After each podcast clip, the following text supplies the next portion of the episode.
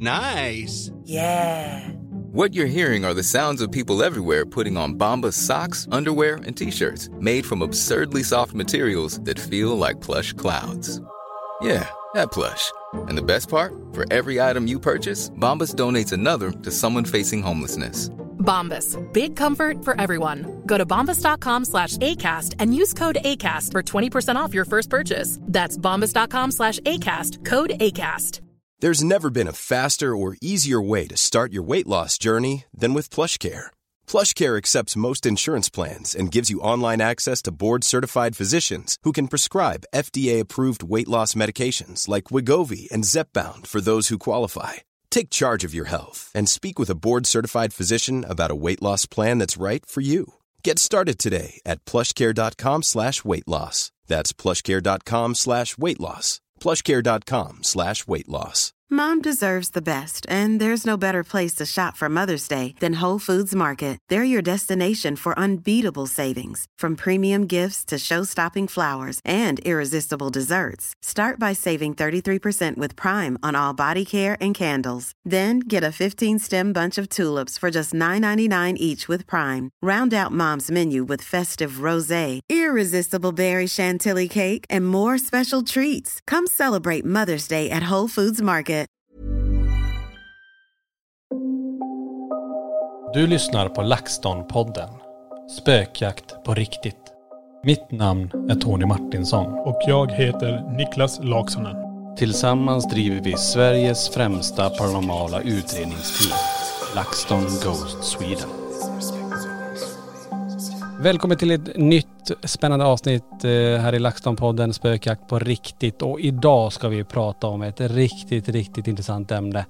Som eh, vi tack och lov inte har någon erfarenhet själv av. Men det är många där ute som har haft det. Och eh, vi ställde ju faktiskt eh, frågan på våra sociala medier om det är någon som ville berätta om just nära döden upplevelser.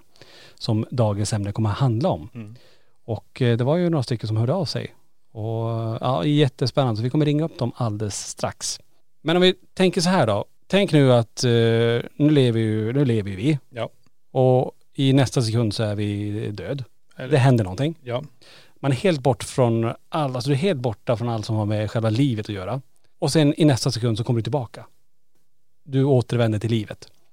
Alltså den tiden man var borta eller död så hände någonting. Att du kommer ihåg vissa saker, du kanske har träffat vissa människor, du ser ett starkt ljus. Och när man summerar ihop det här så har man då fått vara med om något som kallas för nära döden upplevelse. Eller NDU som det förkortas. ja, just det. Och kan man titta igenom lite grann, det gäller just nära döden upplevelser och det man kan läsa sig till om man bara tittar lite snabbt vad som står på nätet. Och så ska jag bara läsa upp det lite kort här. Nära döden upplevelser är ett tillstånd som ibland beskrivs av personer som varit nära att dö. Eller som varit kliniskt döda men sedan återvänt till livet. Upplevelser som sinnesintryck, eh, som starka ljusfenomen är, eh, och en vanlig känsla är att man har en samhörighet samt att personer strävar mot en ljus, ja en ljustunnel. Ofta möter man eh, släktingar eller vänner och de här tolkar man ofta som att det finns ett bevis på någon form av liv efter döden. Men det kan också möjligtvis vara, om man tittar på den vetenskapliga förklaringen, att det är någon form av syrebrist i hjärnan. Men ändå för många så leder den här upplevelsen till att eh, döden inte är slutet. Ja, precis. För jag tänker så här, det är ju så många som har varit med om det här och när jag kollar lite mer på nätet så verkar det som, och det här var på 80-talet i USA, så visade det sig att 8 miljoner människor hade en sån här upplevelse. Åtta miljoner. Miljoner människor hade Jävlar. någon form av sån här upplevelse när- man gjorde en studie. Men är det också på grund av att, är det 80 eller 70-talet någon gång där man började med hjärt och lära ut det här, hjärt och lungräddningen? Exakt, för det var under 60-talet där som man faktiskt, ja man fick bättre verktyg och fick igång personer som faktiskt annars hade dött. Ja. Så det hänger ju säkert ihop där. Ja. Så idag då ska jag prata med tre personer som har varit med om varsina eller flera nära döden upplevelser. Så jag tycker vi ringer upp den första nu. Hej Kristin. Hej Kristin, det var Tony och Niklas här ifrån eh, LaxTon-podden. Halloj. Hejsan. Hej. Hej hej, tack så jättemycket för att du ville ställa upp och, eh, och berätta om din, Ja. din upplevelse också. Det känns lite nervöst och konstigt, men Ja. absolut. Du skickade in ett mejl till oss och eh, skrev lite grann av, av det du hade upplevt. Alltså kan du bara berätta lite kort så här, och händelsen helt enkelt? Mm, eh, absolut. Ja, det började eh, när jag såg, jag låg inne i eh, sjukhussalen och eh, jag såg mig själv Eh, uppifrån. Som om att jag svävade uppe i rummet och såg mig själv och iakttog allting som var. Jag såg mig själv ligga alldeles eh, stilla i sjukhussängen. Helt plötsligt så är jag som i min kropp igen och min eh, farmor kommer och tar tag i min hand och då ser jag upp i rummet mot taket mot högra hörnet där uppe så blir det ljusare och ljusare och alldeles vitt, ett jättestarkt sken. Eh, till höger bredvid mig neråt så är det alldeles mörkt och det blir till slut kolsvart. Och där i det här mörka så ser jag att det är en liten mörk dörr som eh, är bredvid mig. Och när min farmor tar mig i handen så är det som att en genomskinlig version av mig själv åker ur mig.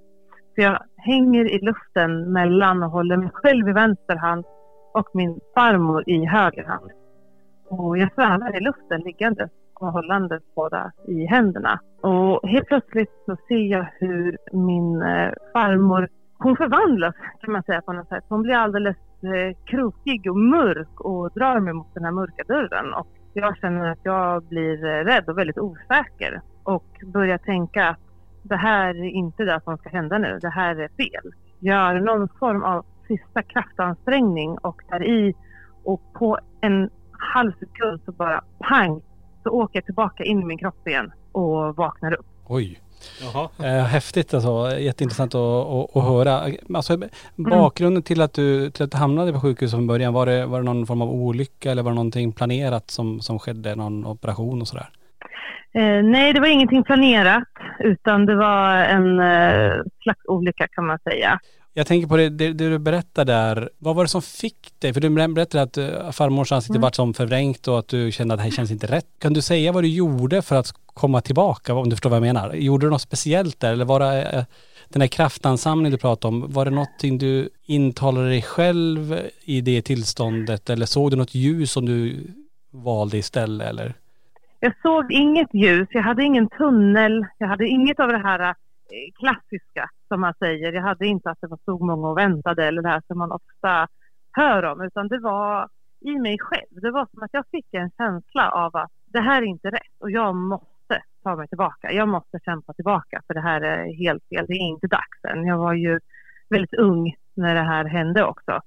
Och, eh, så det, det var som att jag eh, som en urkraft kan jag säga. Det var som att det bara samlades och så bara åh, tog i och, och åkte tillbaka. Jag, jag kan nästan faktiskt inte beskriva det. Mm. Eh, Men det var inte att jag kunde välja något ljus eller någonting utan det var mer att jag kände att det här, det här, är, det här är inte rätt än. Mm. Ja, för det, det, är det är en helt annan eh, upplevelse än vad man har hört som du säger som den här normala upplevelsen vad folk säger om tunnlar och diverse Ja. här. Men tittar man lite ur ett eh, sånt där perspektiv, man eh, begrundar sättet det hände på. Det är som att det här ska ta dig till den här mörka platsen. Mm, Eh, mm. Och eh, det- som du säger, du hittar en urkraft och tar dig ur. Det är ju ett sätt kanske för en själv också att förändra livet, tänkte jag. Att man Ja. efter det där, nu, nej, nu, nu vet jag vad som gäller om det är så här. Det, Ja, det är nästan sån precis. känsla jag får när jag, när jag hör på det, när du berättar det här. Så det är, Ja. det är väldigt intressant och det kan ju också vara en sån grej som en del berättar efter nära döden upplevs, att all, allt förändras igen. Man, eh, Mm, man, mm. man förändrar hela livssynen alltihop. Och, eh, Absolut. och just efter en sån där så kan jag tänka mig att det blir en väldigt sån här wake-up call för en själv. Det, det, Det blev ett otroligt uppvaknande. Ja. Ja. Eh, och jag satt ju, jag vet att jag, vi har pratat mycket om det här inom min familj också. Och pratade mycket med eh, om min pappa också, hur det kom det sig och liksom min farmor. Och han hade kanske också en teori att det kanske var att hon försökte säga ifrån eller så här att, eh, och visa på att det här är helt fel väg just nu. Det här är alldeles för tidigt. Mm. Eh, Jag var som sagt väldigt ung.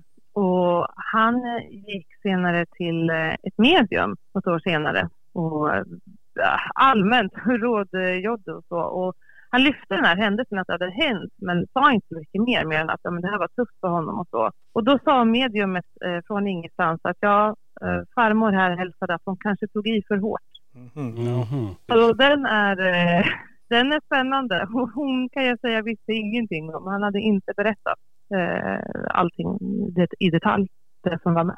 Ja, det är intressant. Verkligen. Jag, jag tänkte på, Mm. om vi backar bara till, till, tillbaka Mm. för det, det är ganska intressant. Det är inte eh, varje dag vi pratar med någon som har varit med om en sån här händelse. Nej. Nej. Ehm, och jag tänker, kan man säga, eller vet du själv hur länge du var i det här tillståndet när du faktiskt var, var död? Alltså kan man, ska man säga det i, i minuter eller timmar eller hur, eh, om man kan räkna det så? Alltså, jag vet ju att det finns på papper. Jag vet att mitt hjärta stannade ju och att de fick ju med hjälp av defibrillator eh, starta upp och de fick göra ett par gånger på mig när jag kom tillbaka. Och jag vet att det på papper rent fysiskt eh, finns tiden. Jag minns tyvärr inte eh, hur lång tid det var, men jag vet att det var tillräckligt för att det var på gränsen att det inte skulle kunna gå.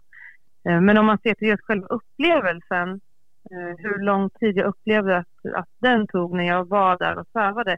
Jättesvårt. Mm. Eh, jag skulle kunna säga att det känns samtidigt som eh, ett par sekunder, någon minut. Som om att det var mycket, mycket längre tid. En dag, en timme. Det är jättesvårt. Jag kan inte sätta någon tid på det. Det, alltså det är nästan som att, kanske konstigt. nej men det, jag tänker det, det är nästan som att tid och rum försvinner på ett Ja, sätt. nej, men det, det har man ju hört också att det är det det gör. Mm. Att det finns Ja, ingen tidsuppfattning. Inte när man är i det skedet i alla fall. Men, eh, den, för om man nu ligger där och man har en återupplivningsförsök på en så, så reggas ju tiden på en. Och det är väl där man kan gå efter. Medan man själv kanske bara upplever att man svävade i, det kändes som eh, en 30 sekunder medan det kanske tog Mm. 12 minuter. Det vet Mm. man inte. Ja, nej. Och det är ju den uppfattningen jag har också. Att jag kan inte, just den, eh, min upplevelse av det hela, jag kan verkligen inte sätta någon tid på den. Det är jättesvårt. Mm. Ja. Eh, Mm. när du var i, i det här tillståndet, det kunde du uppfatta, för en del pratar ju om att de, de ser sin kropp ligga och att, eh, på, på typ britsen och att de hör vad läkarna säger och att man är, de svävar Mm. uppe i taket. Hade du någon sån eh, upplevelse? Mm, det, hade jag. det började så faktiskt. Att, eh, det började med att jag svävade uppe vid taket. Och jag såg mig själv och jag låg alldeles stilla. Och jag kunde se hur de jobbade i sjukhusrummet och jag såg vad ett skrivbord det var. Jag, jag kunde se de här detaljerna. Eh, emellanåt höra lite, men sen försvann eh, all hörsel. Då hörde jag ingenting. Så, utan då var det bara att jag såg. Sen då efter det här så hamnade jag då där, eh, i min kropp, om man säger då, Mm. då min farmor kom. Så, men det startade med att jag i början och det kändes väldigt lugnt på något konstigt vänster. Jag vet att jag, jag, har, jag har kvar känslan av att jag tyckte det var konstigt. Mm. Att jag kunde se mig själv. Att jag var sådär, nej men vart är jag nu? Hur, hur kan jag se mig? Om jag är här, hur kan jag ligga där? Mm. Eh, samtidigt som jag kände ett konstigt lugn av att okej, mm, och härifrån ser jag allting som händer. Det, det är väldigt dubbelt hur jag upplevde det. Ja. Ja, men det, det är också man har hört att det är ganska vanligt att det är många som, visst nu, det, då snackar vi kanske det ljuset och det att det, den, den tryggheten Mm. och kärleken och allt det här som finns runt omkring en, att det, det gör att man vill hålla sig kvar där. Medan de Mm. på andra sidan säger, men det är inte din tid ännu, du ska tillbaka. Mm. Men, men du fick ju en liten annan twist på det hela, så du ryckte ju dig Ja. själv tillbaka och det tycker jag är väldigt, väldigt intressant. Ja.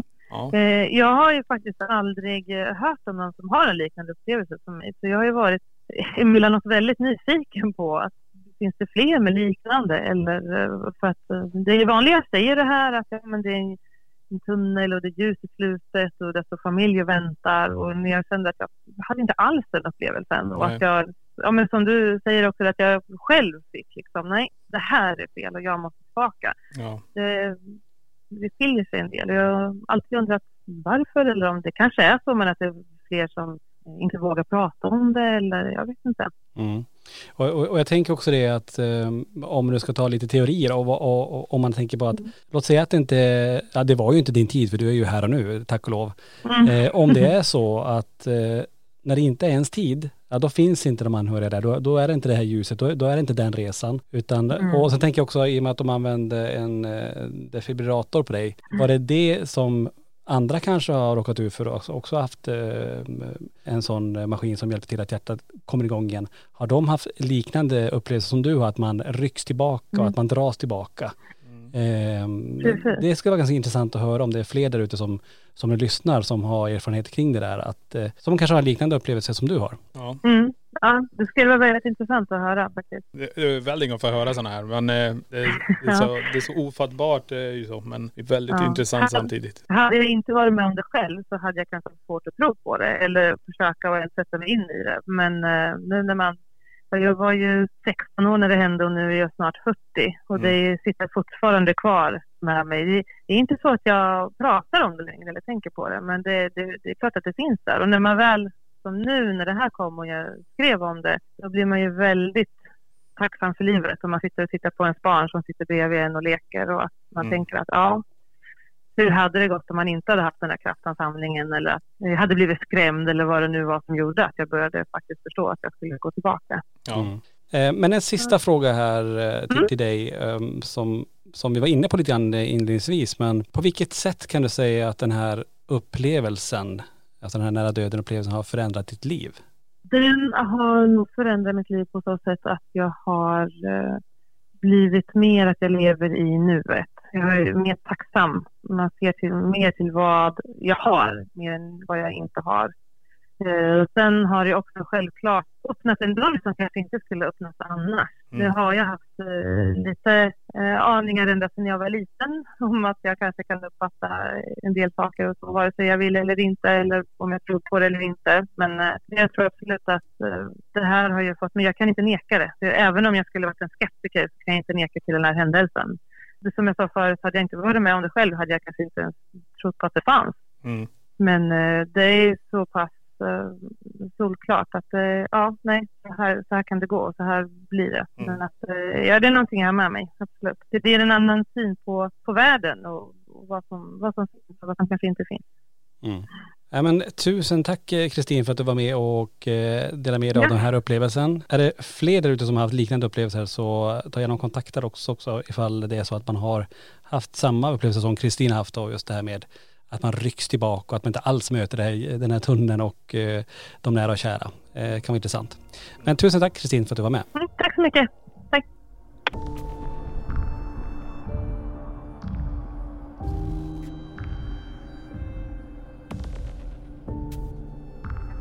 Ja, Kristin hade ju fått en upplevelse utan dess like. Alltså det, det här stämmer ju inte in nästan på någonting man har läst om det. Jag har nog inte hört det på det här sättet. Har du? Det, Nej, alltså när man tittar och läser på, på nätet så är det alltså det vanligaste, det klassiska med det här ljuset, tunnlarna, det känns väldigt eh, lugnt och tryggt och fint och nära och, an, eh, alltså nära och kära står nära och väntar. Men eh, det här att man själv av någon den här urkraften rycks tillbaka till, eh, till livet. Ja, precis. Det är häftigt. Ja, när hon sa urkraft också. Men jag menar, tänk om det är defibrillatorn eller vad det kallas. Som gör det här trycket i bröstet på henne. Så att hon känner av det ända in i själen. Mm. När, om hjärtat nu startade. Ja, det är jävla intressant. Ja man får ju skilja lite grann, det är det som blir lite grann, eh, alltså kroppen, att få igång själva skalet eh, till det medvetandet, alltså själva medvetandet hon hade, eh, upplevelsen när hon ändå beskriver, i och för sig en ganska klassisk detalj där med att man svävar i taket. Ja, men det började ju så. Ja. Det är ju klockrent. Eh, Det stämmer ju in på det man har hört i alla fall. Men det blir intressant. Vi kommer ju ringa upp en person till. Och Precis. Hon heter Sara bara. Hon heter Sara och eh, den här personen, alltså hon har inte varit med om det här bara en gång utan flera gånger. Oj. Hej, jag heter Sara Lundgren och jag har varit med om nära döden upplevelser. Det var så att jag hade gått med en smärta i väldigt många år och eh, då var jag, jag var 14 år och jag var livrädd för sprutor och doktorer och sånt där. Så jag bad mamma boka av läkartiden gång på gång. Men sen så fick jag ju åka in akut då och då visade det sig att jag hade cancer innanför bröstbenen, ungefär 27 centimeter var den. Och då hade jag också nästan två liter vätska i ena lungsäcken. Så att än idag så är ju lung, lungan, ena lungan är kollapsad. Så jag andas ju med ungefär en och en halv lunga kan man ju säga. Men jo, jag dog på operationen och då minns jag, alltså det var som en tunnel uppåt. Alltså det var så ljust som, som när man kollar in i solen fast utan att blunda, alltså utan att kisa då. Men, och så det var någonting där framme i, i ljuset längst fram, men jag vet inte vad det var. Någon skepnad i alla fall. Du såg som någon form av gestalt längst, eh, alltså längst bort eller in i det ljuset, något som, som, som stod där menar du? Eller? Ja, alltså med armarna utåt åt varje sida. Som att den välkomnade dig eller eh, någonting annat? Ja, Okej. men sen, sen så var det precis som att någon tog tag i mig bak och slet tillbaka mig. Och herregud, ja det var, det var hemskt. Jag får ju leva med mig resten av mitt liv. Mm. Hur, eh, jag, jag tänker på det, det, det som hände där du, det här 2002 när du eh, som söks tillbaka till, till livet igen där. Eh, vet du någonting om, eh, alltså var det någon form av att du kom tillbaka själv eller var det under återupplivningsförsök med, med någon form av defibrillator, att man ville få igång hjärtat eller har, har, har du några sådana detaljer kring, kring hur det gick till? Eh, jag var ju sövd. Men sen så har jag ju fått höra också att jag dog, för jag berättade sen det här. Och då fick jag ju veta sen också att ja, hjärtat stannade, jag dog. Okej. Okej. Så på något sätt så har du gjort någon slags återupplivningsförsök men du vet inte riktigt hur de har gjort det. Nej. Men det, det som är intressant Sara, det, det, det du berättar, och jag förstår att, eh, att det är jobbigt att och, och eh, till och med prata om, men just det att, att du beskriver det här, det här klassiska ljuset som många pratar om, den här tunneln som många ser och eh, ibland då att man stöter på nära och kära anhöriga som, som har gått över och på något vis ska välkomna en. Nu såg ju inte du vem den här gestalten var, men att det, de armarna som nästan, eh, som du beskriver, var ändå välkomnande, eh, låter det som. Så vet man inte vem, vem personen var då, men Ja. som en, som en liten slutgiltig fråga här då till, till dig. Kan, på vilket sätt har, har den här upplevelsen förändrat ditt liv? Eller de här upplevelserna förändrat ditt liv? Ja, jag hade ju gått med smärta i flera år. Eh, och när jag då dog på operationen så det var så skönt. För allt det onda försvann. Ingen smärta alls överhuvudtaget. Och ibland brukar jag tänka, eller ofta brukar jag tänka att eh, det var synd att de fick liv i mig igen. Okej. Eh, på grund av menen och deras som jag får leva med. Ja och om smärtan Så som du att säger. det, det ställer till massa problem, alla men som jag får leva med. Ja. Som sagt hoppas att, eh, att det blir lite bättre och att eh, du slipper eh, ja, ha de här menen eh, som du har nu och att det finns någon form av förbättring att kunna, kunna få kring dem. Mm. Mm. Ja, men det, det är starkt att höra dig berätta Sara och, och, och att du ändå orkar dela med dig av, av dina upplevelser kring att ha en nära döden upplevelse. Ja, Så vi får tacka dig jättemycket för att du var med. Mm, tack så och mycket. tack för att du delade med dig. tack för att jag fick vara med. Ja, ha det gott. Ha det bra. Hej hej. Hej då. Ja, det är bra. Hej då.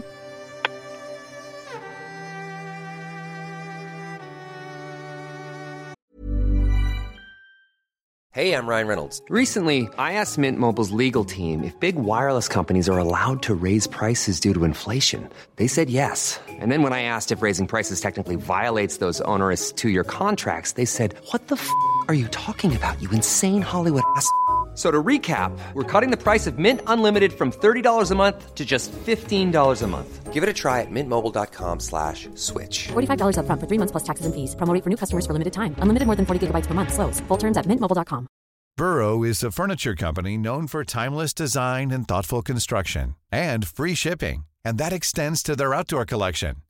Their outdoor furniture is built to withstand the elements, featuring rust-proof stainless steel hardware, weather-ready teak, and quick-dry foam cushions. For Memorial Day, get 15% off your Burrow purchase at burrow.com slash ACAST and up to 25% off outdoor. That's up to 25% off outdoor furniture at burrow.com slash ACAST.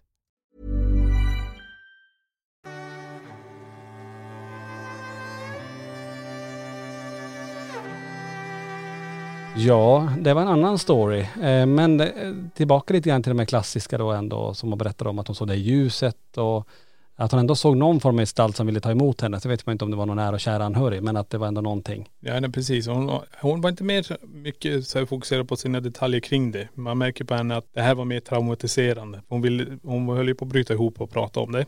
Ja, det är jobbigt såklart. Det är definitivt för jobbigt. Men eh, som du säger, om det är flera gånger så kan man bara tänka att oj, ska det hända igen? Ska det där ske igen? Ska det upprepas allt det här igen? Så det var ju lite svårt för henne att prata om det. Och då kanske man också gör så att man filtrerar bort upplevelsen på ett sätt. Har du, du, låter inte tankarna eh, kretsa kring det för mycket. Mm. Du, du analyserar inte det för mycket utan du vill bara inte hamna där igen. Nej. Jag tror det är nästan så jag fick känslan av det här samtalet med henne. Ja men det är väldigt strångt ändå av, eh, av Sara att eh, klara av att berätta det här och det är ju så jäkla orättvist när man tänker också att vissa personer får så himla mycket sjukdomar och som, som i hennes fall påverkar henne så mycket. Det här med hennes lungor till exempel, att hon fick både cancer och sånt eh, som hon tog sig igenom och sen nu det här med lungorna och att hon fortfarande lider av alla de här sviterna kring det.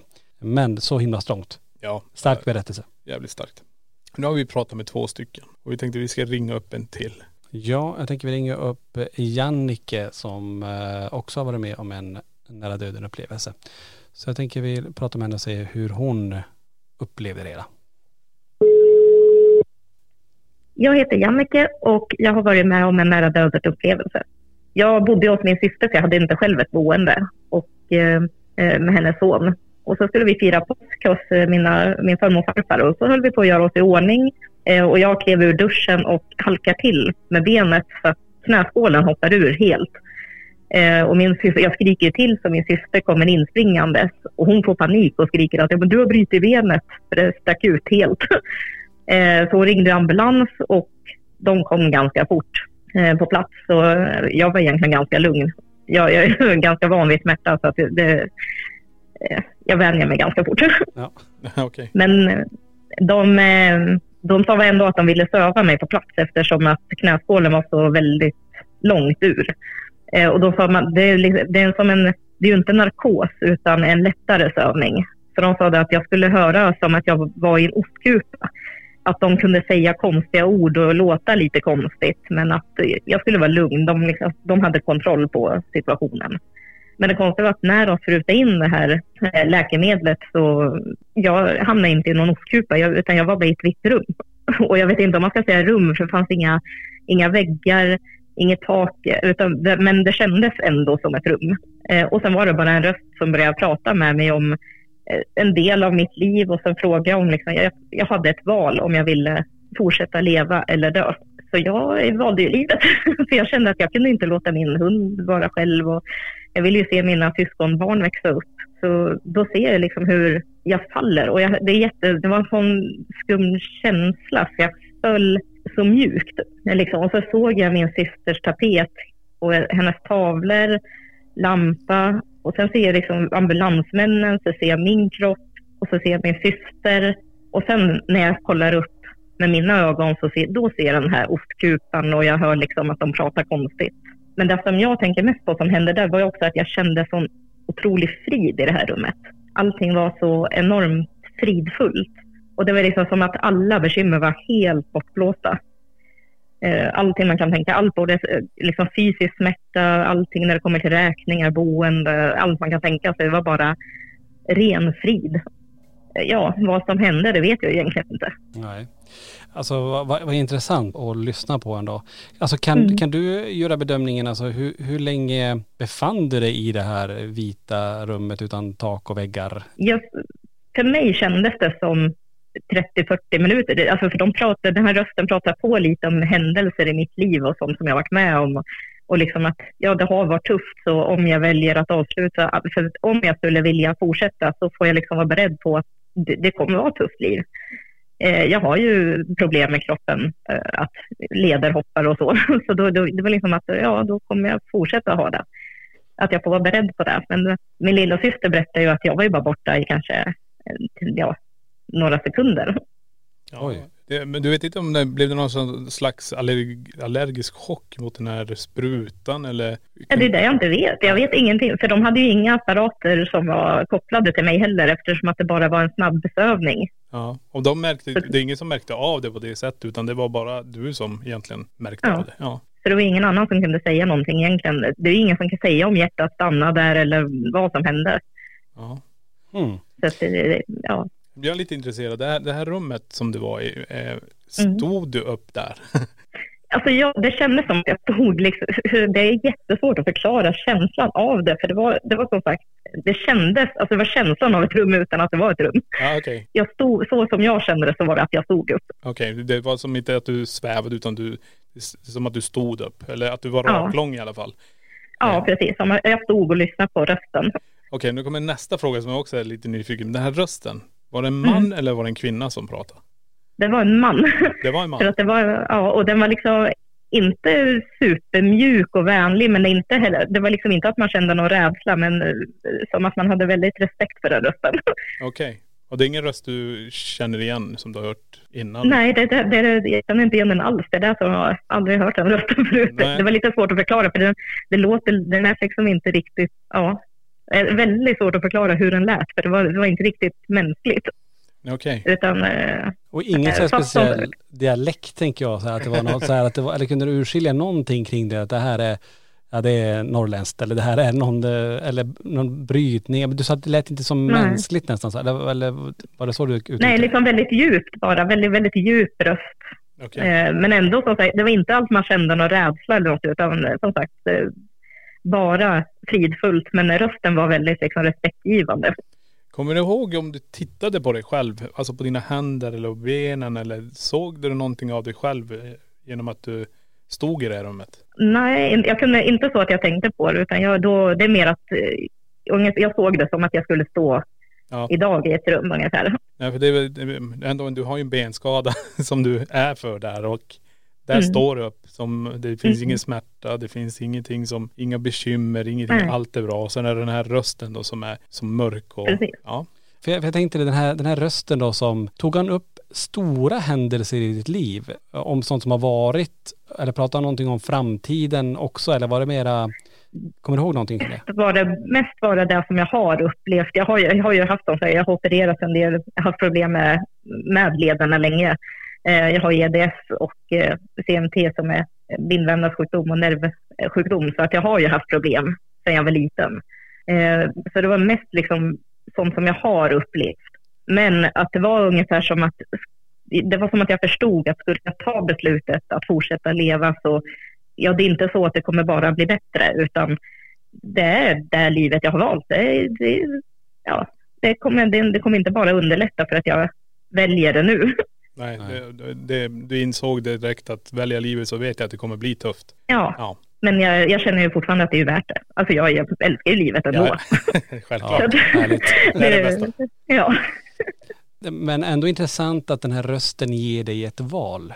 Ehm, Mm. Att väljer du livet eller väljer du att, eh, att inte välja livet, alltså då välja döden Mm. egentligen då? ja, för det är där jag har hela tiden också tänkt på. Vad hade hänt om jag gjort det andra valet egentligen? Ja, precis. Ja, och hur, hur skulle man ha gjort? Eh, Om, låt Mm. säga då att man står där i, i, i vägskälet och, och så, vad, vad skulle du, räcker det med att du säger det så hade det blivit så? Mm. Eller var du tvungen att göra någon handling i det stadiet, tillstånd du var i för att det skulle ske? Det, det är ju svårt att säga och det vet man ju Mm. inte, men tänk att det är så, det lilla är så enkelt och det, det stora, i, alltså, jag ska förklara det här, det blir jättesvårt, men det, det stora beslutet eh, Mm. behövdes så lite, alltså så, det, så, så himla lite för Ja, att kunna ja, komma dit. Ja, precis. Ett ja eller nej. Mm. Eller, Ett ja eller nej, alltså det, Ja, ja. eller, och det var verkligen så det kändes. Det kändes som att det var bara ett ja eller nej. mm. Eh, så det, sen vet jag ju inte. Hade jag sagt jo, nej, men jag vill avsluta mitt liv, då vet ju inte jag vad som hade hänt eh, eftersom att jag inte valde det. Men eh, samtidigt så det kändes som att det bara var ett ja eller nej. ja, jätteintressant att lyssna på. Och, ja, det är helt otroligt. Ja, det är riktigt. Ja, och som sagt, jag vet ju inte vad som hände. Jag vet ju inte om det var någon slags dröm. Men just det här, alltså för den friden har jag nog aldrig känt. Alltså för även om jag är ganska nöjd med mitt liv, så alltså den friden, alltså det, det, den är oförklarlig. Ja. mm. Nej, du, du är inte ensam att säga det. Det är ju många som Mm. säger det, att det, det är så mycket. Och det är samma att man, Mm. det, tidsuppfattningen försvinner och sådana här saker. Ja. Intressant historia. Så, så, som en liten avslutning här eh, Jannike, så, så vill jag gärna fråga så här att kan du säga på, att på vilket sätt eller förklara på vilket sätt den här upplevelsen har förändrat ditt liv, om den har gjort det? Ja, alltså just då så kändes det ju som att, eh, för jag var på väg att börja må lite sämre eftersom att jag kände att det var liksom olycka på olycka eh, med kroppen och jag var väldigt, jag började liksom känna att det tog ju på psyket. Och när det här hände så var det ju en helomvändning för att även när jag kom tillbaka till kroppen så satt ju lite av den här friden kvar. För även om den fysiska smärtan kom tillbaka så hade jag mycket lättare att hantera det psykiskt. Så det, det satt ju liksom kvar ett bra tag, just den här lättnadskänslan. Ja. Och den brukar jag försöka tänka att när det är jobbigt försöker jag gå tillbaka och känna den. Även om jag kanske inte kan skapa den. Jag försöker tänka att ja, när det är lite jobbigt, det, det får vara det ibland. Liksom. Och man får tycka att livet är jobbigt ibland, men eh, sen får man fokusera på det positiva. Då blir jag så här nyfiken igen nu, då kommer en fråga igen. Men, eh, det, det jag tänker på, just den här känslan. eh, Så du kan som egentligen gå tillbaka lite grann i dig själv, hur den här känslan var. Eller är det tankesätt du gör då? Eller? Ja, det är mer tankesättet Ja. att jag försöker tänka, alltså, för jag kan inte riktigt återskapa den. Eh, det, det är nog omöjligt. Men just att tänka på det. Och sen ja, förhoppningsvis vet jag ju att ja, men när det väl är över då kommer det att vara bra liksom. Men då får Ja. jag se mitt liv som en, en erfarenhet helt enkelt. Ja. Ja men det är härligt att du, att du valde livet. Ja, absolut. Eh, helt, Ja. helt, eh, helt rätt. Ja, Ja. men, tusen tack Jannike för att du var med och delade med dig om din upplevelse. Ja. Ja, tack så jättemycket för att ni vill ha med mig. Mom deserves the best, and there's no better place to shop for Mother's Day than Whole Foods Market. They're your destination for unbeatable savings, from premium gifts to show-stopping flowers and irresistible desserts. Start by saving 33% with Prime on all body care and candles. Then get a 15-stem bunch of tulips for just $9.99 each with Prime. Round out Mom's menu with festive rosé, irresistible berry chantilly cake, and more special treats. Come celebrate Mother's Day at Whole Foods Market. A lot can happen in the next three years. Like a chatbot may be your new best friend. But what won't change? Needing health insurance. United Healthcare Tri Term Medical Plans are available for these changing times. Underwritten by Golden Rule Insurance Company, they offer budget friendly, flexible coverage for people who are in between jobs or missed open enrollment. The plans last nearly three years in some states, with access to a nationwide network of doctors and hospitals. So, for whatever tomorrow brings, United Healthcare Tri Term Medical Plans may be for you. Learn more at uh1.com. A lot can happen in the next three years. Like a chatbot may be your new best friend. But what won't change? Needing health insurance. United Healthcare Tri Term Medical Plans are available for these changing times. Underwritten by Golden Rule Insurance Company, they offer budget friendly, flexible coverage for people who are in between jobs or missed open enrollment. The plans last nearly three years in some states, with access to a nationwide network of doctors and hospitals. So, for whatever tomorrow brings, United Healthcare Tri Term Medical Plans may be for you. Learn more at uh1.com.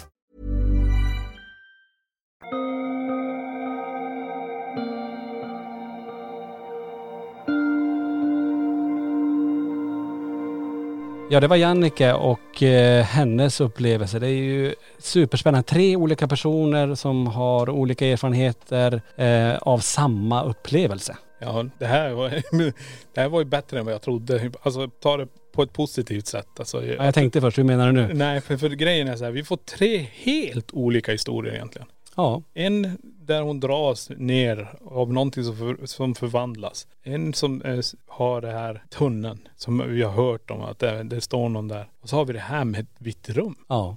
Det är ju helt, Ja det är jätteintressant. helt galet. Jag försöker hitta någon gemensam nämnare bland de här förutom att de har haft den här upplevelsen. Mm, Men hade alla tre sett någon form av ljus? Alltså eh, hon hade ju inte, första hade ju inte sett något ljus. Hon hade ju svävat. Och sen sen var det ett mörker som Sen blev det bara mörker och Just det. här. Hon den andra hade ju sett eh, ljuset Mm, och den här tunneln. Och hon kom in i ett ljus, men det var ett ljust rum. just det. Så det här, det, alltså jag, jag är så jävla fascinerad över det. Det är helt olika grejer än vad jag har läst på om, vad jag har fått höra av andra också, men det här är ju helt otroligt. Ja. Och frågan är lite grann hur, hur pass vanligt det här är. Och är det så att eh, du där ute har haft eh, en nära döden upplevelse kan du jättegärna kommentera eh, där vi publicerar de här. Det kan jag tänka mig att det blir antingen på Facebook eller på Instagram där man har möjlighet att kunna skriva lite. Ja absolut. Tack för att ni har lyssnat på LaxTon-podden Spökjakt på riktigt och det här enormt spännande avsnittet. Hoppas att ni också tyckte det. Ja. Så hörs vi nästa vecka igen i LaxTon-podden Spökjakt på riktigt. Tack för att du har lyssnat på LaxTon-podden. Spökjakt på riktigt.